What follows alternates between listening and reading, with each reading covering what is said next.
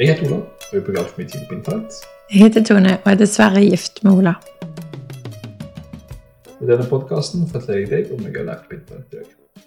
I dag skal jeg fortelle deg om prinsesse Marie Auguste. Marie Auguste. Mhm. okay. Hun var prinsesse av Anhalt. Eh, Et eh, hertugdømme i det som i dag er Tyskland. Mm. Hun var født prinsesse, om med alt det det medbringer seg. Skulle liksom erve Pomp og prakt og sånn. Mm. arve hertugdømme og alt det der. Eh, Men en tysk lov i 1919 eh, gjorde at eh, hun mistet alle rettighetene. For det ble forbudt å bli født med en rettslig fordel i Tyskland. Å ja. Ja, nettopp. Så de fjerner alt som du kan ikke bli født Mm. Privilegert. Det er ikke lov. Så alle prinser og prinsesser i høylandet ble umiddelbart vanlige folk. Eh, Men de fikk beholde titlene sine. Men det ble jo da bare for showet.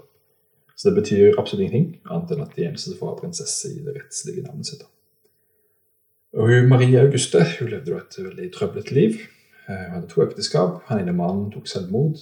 Masse finansielle problemer. Alt eh, fikk ikke helt til livet. Mm. Så hun døde i 1983. eh, og Da var hun 84 år gammel. Og på slutten av livet, altså på 80-tallet, så var hun så fattig at hun trengte å finne en ny måte å tjene penger på.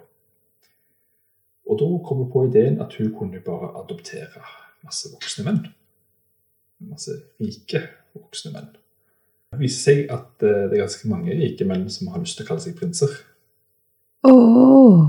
Eh, Så mot en ganske heftig sum penger eh, så adopterte hun hvem som helst som sitt barn.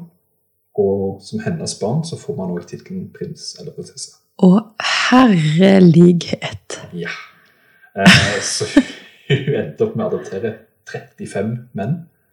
Med stort ego.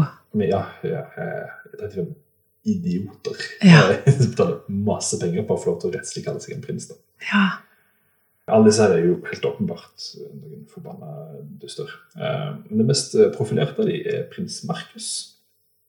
Eh, Han har en nettside som er princegermany.com. Der han veldig gjerne vil vise frem det for et forferdelig menneske han er. Og det, det kan bare, du kan bare få Skal jeg få kikke nå? på forsida. Eh, her har vi eh, prins Markus eh, av Saksony-Anhalt, som da er adoptert sønn av prinsesse Marie Auguste. Ja.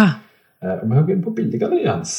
Ja dette, altså, dette gir meg umiddelbart assosiasjoner til sånn nyrike Ja, altså Han har bilde av seg sjøl med våpen og bare masse Ja. eurosedler.